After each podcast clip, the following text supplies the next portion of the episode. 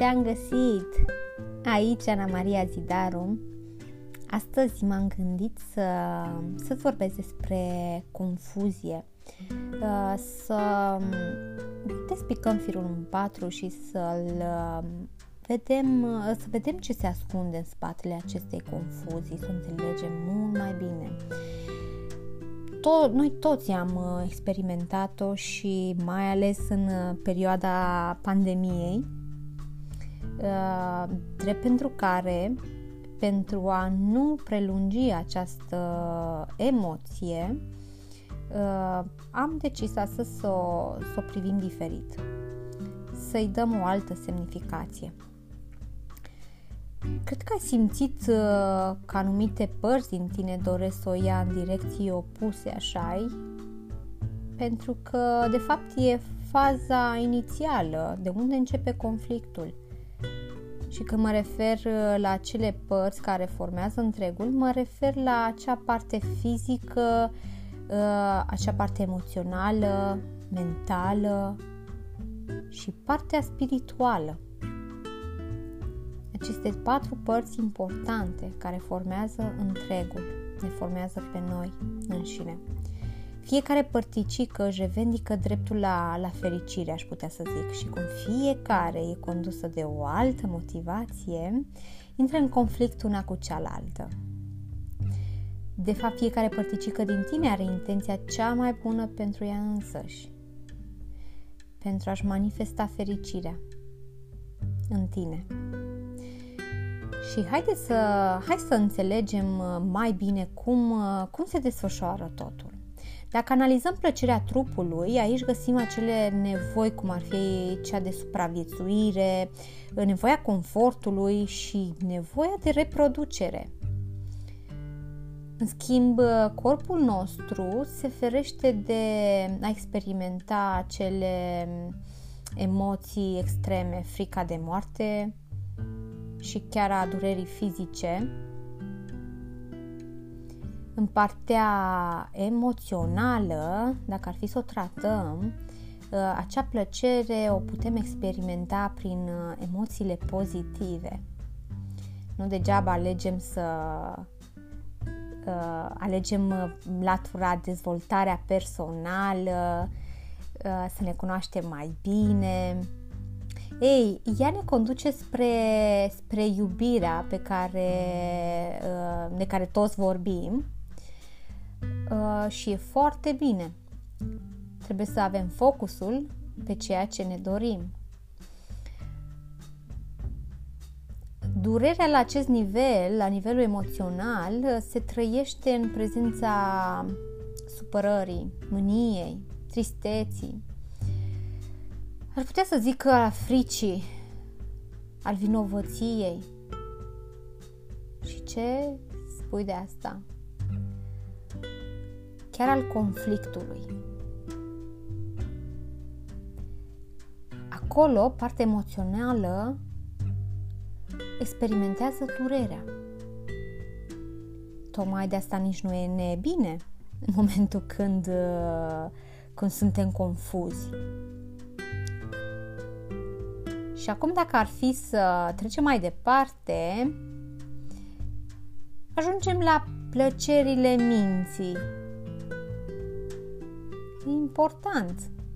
E bine, aici am, am putea aminti acea, acea însetare care mm, conduce spre cunoaștere, acea nevoie de a avea dreptate, um, nevoia de a fi predictibil, de a avea controlul, claritatea, aprecierea și chiar uh, puterea, aș putea să zic. Um, e un lucru bun, însă fiecărui lucru trebuie să-i uh,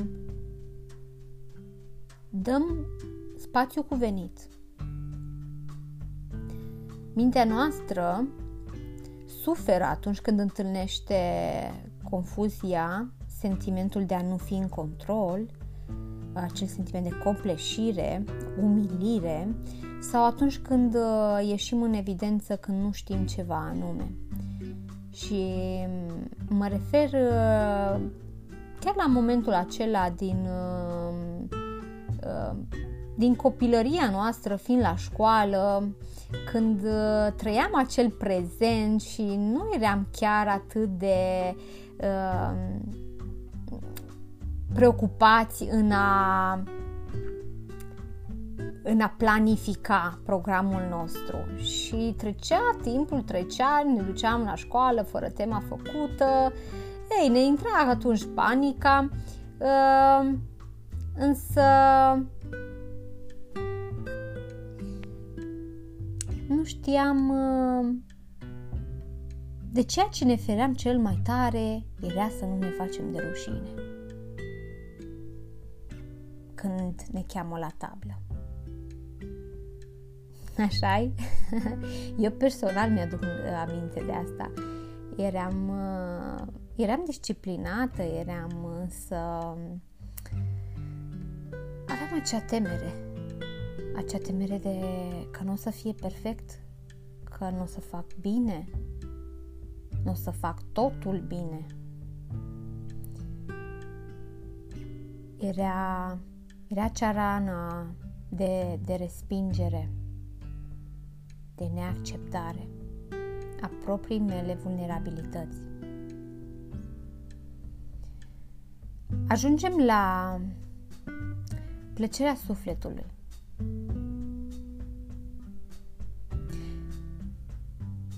Ce crezi că se întâmplă aici?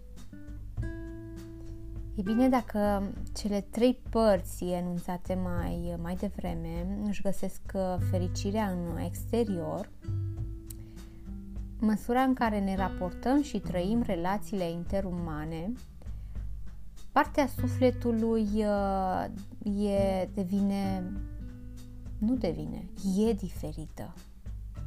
Ea are nevoie numai de noi, de interiorul nostru, de ceea ce suntem. De ce? Pentru că atunci când ne conectăm cu sufletul nostru, ajungem să cunoaștem și să simțim identitatea noastră. Să știi cine ești care ar fi cea mai simplă modalitate să afli asta? Eu m-am gândit prin a începe să ne punem următoarele întrebări. Cine ești?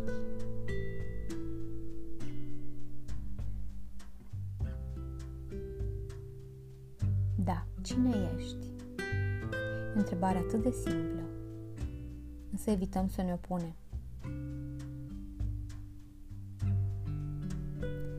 cine crezi tu că ești.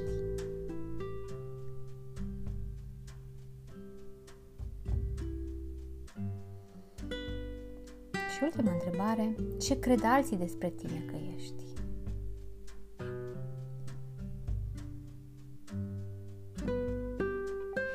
Care e, de fapt, intenția ta pentru care ales să faci, să ai, în loc să fii, pur și simplu?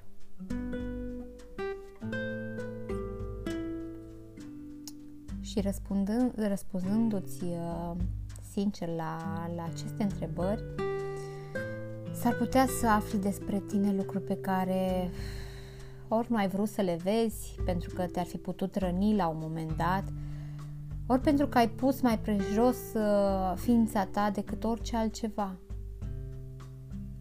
Din superficialitate, poate neîncredere în darurile cu care te-ai născut sau poate din frică că ți-ai uh, putea pierde locul tău, identitatea în lumea în care te desfășori.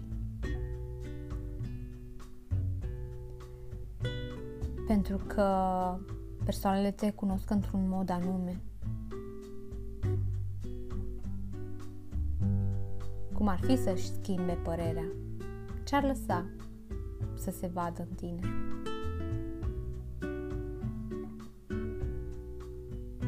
Și te invit chiar să simți, să-ți permiți să simți, să-ți observi senzațiile în corpul tău și să fii sincer față de tine. De data asta și de acum încolo.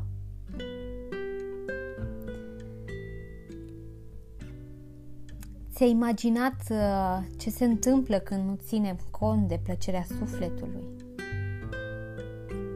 Este foarte posibil să, să ajungem să simțim oboseală, să experimentăm trăirea în contratimp, timpul ăsta nu ne ajunge, nu am timp, nu am timp, să trăim cumva în afara noastră tânjind după atenția altcuiva și nu după atenția care, către drumul care duce spre casa noastră interioară.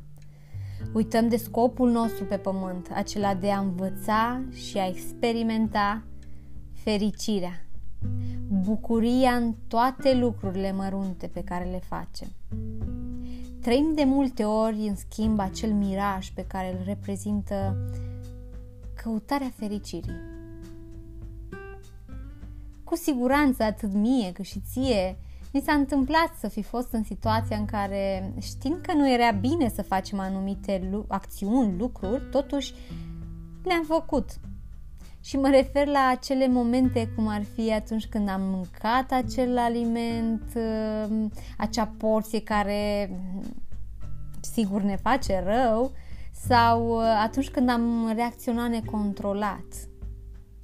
O discuție cu partenerul, partenera. Ce-a lăsat în urmă? Bineînțeles, după aceea am rămas cu acel gust de poate de vinovăție, supărare, furie, uh, cea indigestie mentală, aș putea să zic. Și constatăm că rațiunea spune ceva, iar emoțiile ne îndeamnă să facem altceva. Și atunci intrăm într-o confuzie. Și e posibil să ajungem să repetăm acest proces zilnic, fără a ne da seama mo conștient că ne renegăm sufletul prin neacceptarea firii noastre, a sinelui nostru, a identității noastre. Prea des alegem să vindem valorile noastre pentru nimic. Sufletul nu se compară cu ceva din exterior pur și simplu e unic. Acea unicitate ce este definită de toate experiențele avute.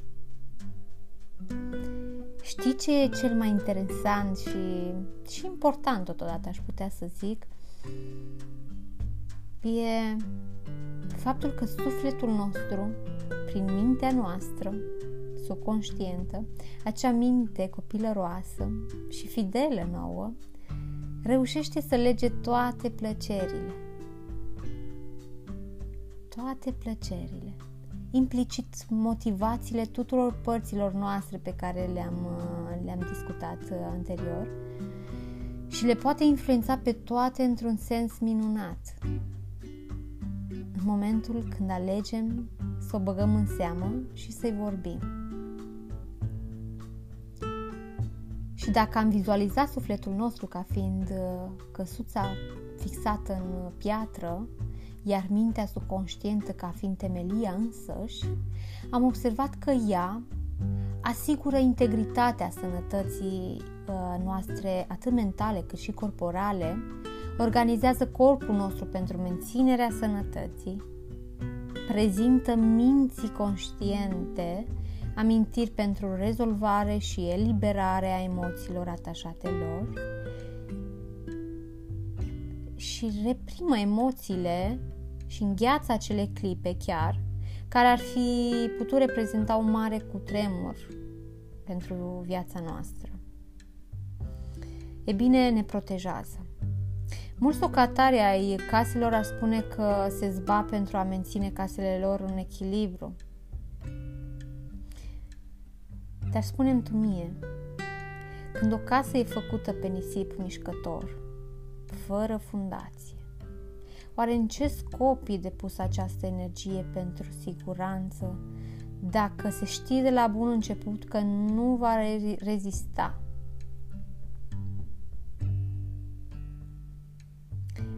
Și ți amintești povestea aceea a copilăriei în care acea căsuță a imaginației tale avea acele camere frumoase, cu culori care mai de care, în care intram fără frică, pentru că noi toți suntem, nu așa, zvăpăiați, curioși, însetați de cunoaștere și explorare. Ce mare era acea casă! Wow! Dar știi, ea, ea încă există și va rămâne veșnic vie în tine, în mine și în fiecare. E de înțeles faptul că pe măsură ce am crescut, acea teamă, acea frică a prins ușor conturi, ori pentru că părinții, bunicii, învățătorii ne-au certat pentru isprava creației noastre, ori pentru că am râs când nu trebuia sau pur și simplu pentru că nu am fost la înălțimea dorințelor celorlalți. Ne-am inhibat. Pe măsură ce timpul a trecut, rând pe rând ușile cămăruțelor din căsuță s-au închis și nu le-am mai deschis de teamă, de teama de a nu dezamăgi, teama de a nu da greș. Sau mai bine zis, teama de a da greș. Și am ajuns să stăm într-o singură cameră, cea a obișnuinței. Poate a tristeții. Dar ne-am obișnuit. Dar cum spuneam, acea căsuța copilăriei construită pe piatra siguranței și a protecției, rămâne veșnic vie.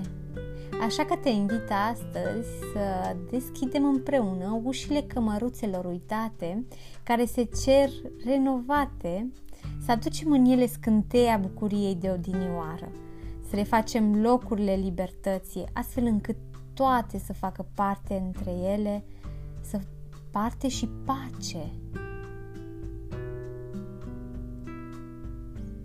între ele.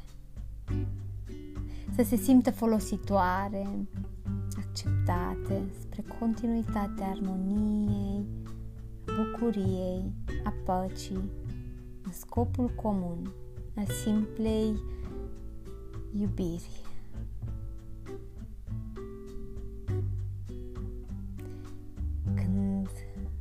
Acceptăm să trăim intrând în fluxul vieții,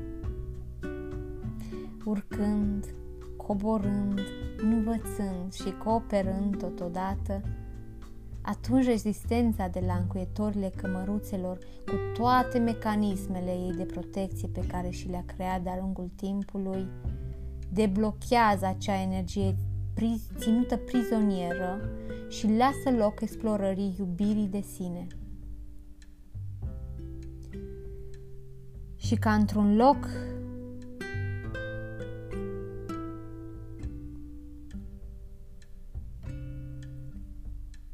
acel loc în care ne jucam, acea joacă voioasă, să putem fi noi, așa cum suntem părți contrare, chiar ajutătoare. E în regulă să fim bucuroși, câteodată supărați, alteori întristați, pentru că nu e așa. Fiecare joc ne impulsionează să găsim o soluție către evoluție. Așa că, draga mea sau dragul meu, Cere precum un copil o face și ți se va da. Bate și ți se va deschide și toate cămăruțele vor fi locuite.